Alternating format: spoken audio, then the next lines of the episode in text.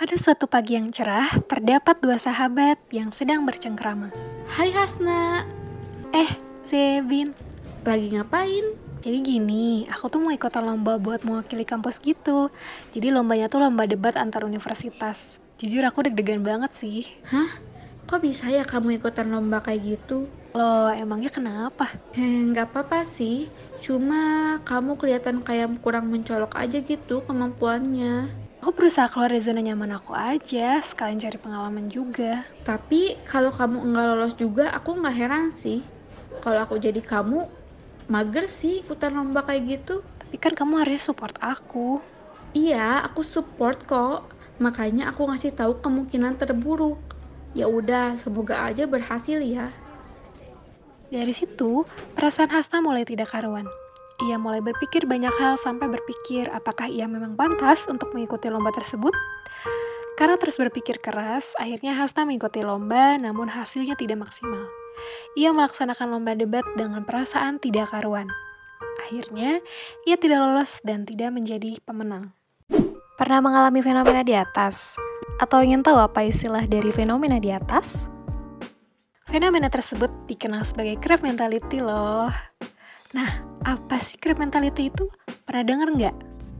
Dilansir dari Psychology Today, crab mentality adalah analogi dari perilaku egois yang iri terhadap kesuksesan orang lain. Analogi ini berdasar ketika ada salah satu kepiting yang berusaha keluar dari ember. Kepiting lainnya berusaha untuk menahan kepiting tersebut dengan cara mencapit satu sama lain. Jika dilihat, perilaku ini serupa dengan apa yang terjadi pada kehidupan manusia di dalam berbagai keadaan. Nah, mentalitas kepiting mungkin dapat diartikan sebagai jika saya tidak dapat memilikinya, kamu pun tidak bisa. Contoh sederhana lain dari crab mentality mungkin bisa dilihat saat kamu berkuliah dan ada salah satu teman yang mengajak untuk tidak ikut kelas agar ia tidak membolos sendirian. Sayangnya, situasi ini sering kali membuat seseorang kesulitan untuk merasa tulus menghargai pencapaian teman sendiri. Maka itu, mentalitas kepiting ini menimbulkan perasaan iri ketika melihat kesuksesan orang lain, sehingga mencoba membuat orang tersebut berada di level yang sama. Ada beberapa hal yang sebenarnya tuh menyebabkan fenomena crab mentality ini terjadi. Salah satunya adalah ketergantungan manusia dalam hidup berkelompok. Hayo, siapa yang punya ketergantungan nih sama kelompok-kelompoknya atau peer groupnya? Boleh di- disimak. Oke, jadi umumnya manusia bergabung satu sama lain untuk memudahkan mereka mencapai tujuan bersama. Sementara itu, hidup berkelompok juga berarti akan ada persaingan. Suka atau tidak, mentalitas kepiting dapat terjadi karena berbagai faktor nih warga kemah, seperti cemburu, malu, dendam, harga diri yang rendah, hingga sifat kompetitif. Terdapat beberapa hal yang dapat menyebabkan terjadinya crab mentality. Ayo, boleh diingat-ingat ya. Oke, yang pertama adalah ketergantungan hidup berkelompok. Gak bisa dipungkiri ya warga kemah, kalau mestinya manusia memang cenderung hidup berkelompok dengan orang yang dianggapnya serupa. Hal itu meliputi pola pikir, latar belakang, atau bahkan kondisi ekonomi. Nah, dengan kondisi yang seperti ini, tak jarang suatu kelompok merasa setiap anggota kelompok tidak boleh ada yang mengalami perubahan, termasuk kondisi ekonomi ataupun kesuksesannya. Nah, dari situlah yang membuat ketika salah satu anggota kelompok yang sedang berusaha mencapai kesuksesan akan muncul ejekan-ejekan yang membuat orang tersebut enggan melakukan usahanya. Padahal hal tersebut justru menjauhkan dari kesuksesan loh. Hmm, oke, kita lanjut aja yang kedua. Yang kedua adalah kepercayaan diri yang rendah. Hal lain yang menimbulkan munculnya crab mentality itu adalah tingkat kepercayaan diri yang rendah. Kondisi ini bisa berlaku bagi pelaku ataupun korban. Jadi kalau misalnya bagi pelaku itu ketika melihat ada orang lain yang berusaha menuju kesuksesan, ia merasa kurang percaya diri untuk mengikuti jejaknya. Karena itu, ia justru mencoba untuk menghasut orang lain agar tidak bertindak demikian. Waduh, ngeri ya. Jangan gitu ya. Oke, berbeda lagi dengan korbannya. Ketika ia berusaha untuk menuju kesuksesan, kepercayaan dirinya yang rendah membuatnya mudah dengan mudah terhasut oleh temannya yang mengejek atau menyindir. Ini sebenarnya kayak ilustrasi di atas ya teman-teman ya. Oleh karena itu, warga kemah terhindar dari hal demikian, warga kemah bisa nih tingkatkan kepercayaan diri yang ada, pede aja gitu ya. Karena dengan menambah pengetahuan dan kemampuan diri itu kita bisa meningkatkan kepercayaan diri kita juga gitu. Oke lanjut, yang ketiga adalah terlalu kompetitif. Ayo, siapa nih yang ngerasa terlalu kompetitif? Oke, memiliki jiwa kompetitif itu memang baik ya, tapi kalau misalnya berlebihan juga akan berbahaya kan.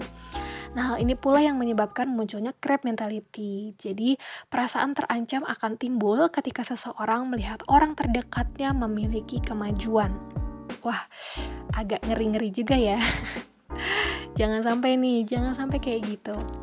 Nah, dari kondisi tersebut yang ia lakukan adalah menakut-nakuti hingga mengejek berbagai kemajuan yang terjadi. Nah, baginya hal ini semata-mata hanya agar ia yang hanya agar ia saja yang bisa mengalami kemajuan dalam hidup. Jadi dia tuh berpikir kalau misalnya orang lain tuh nggak boleh maju, cuma dia doang yang boleh maju. Nah, siapa nih yang kayak gitu? Nggak ada dong, nggak ada ya keluarga kemah yang kayak gitu. Oke lanjut, yang keempat adalah rasa iri. Nah, hal terakhir yang dapat menyebabkan crab mentality adalah perasaan iri.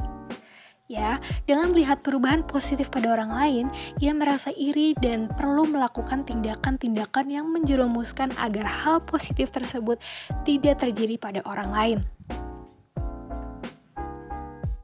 Nah, setelah mengetahui berbagai hal yang dapat menyebabkan crave mentality, kamu juga harus tahu berbagai cara untuk menghindarinya. Berikut beberapa hal yang dapat kamu lakukan menurut develop good habit. Yang pertama, berkelompok dengan orang yang suportif.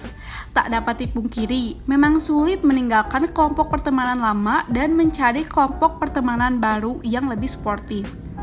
Namun, kamu bisa melakukannya dengan mengurangi frekuensi berkumpul dengan teman lama dan menambah teman-teman baru yang suportif.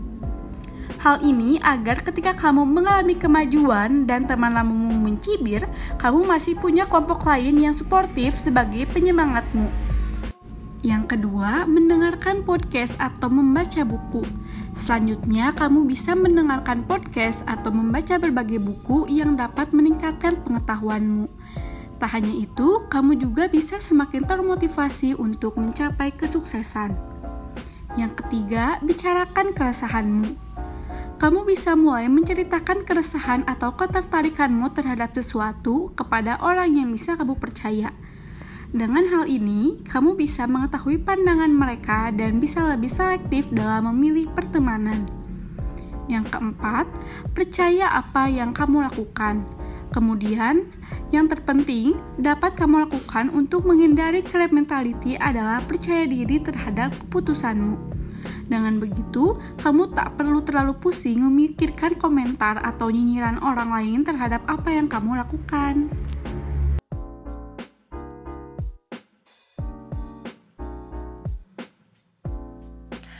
Oke, jadi warga kemah, dengan begitu kita tak perlu ya masih pusing-pusing untuk memikirkan komentar atau nyinyiran orang lain terhadap apa yang akan kita lakukan. Yang penting warga kemah tetap semangat, semakin berprestasi dan melangkah lebih baik ya. Terima kasih udah dengerin podcast ini dan semoga bermanfaat. Sampai jumpa di podcast episode berikutnya.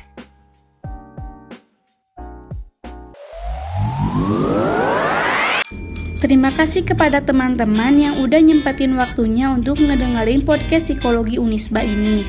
Jangan lupa di-share ke teman-teman yang lain dan jangan lupa juga terus pantengin Instagram BEM Psikologi Unisba untuk tahu episode-episode menarik selanjutnya. See you soon!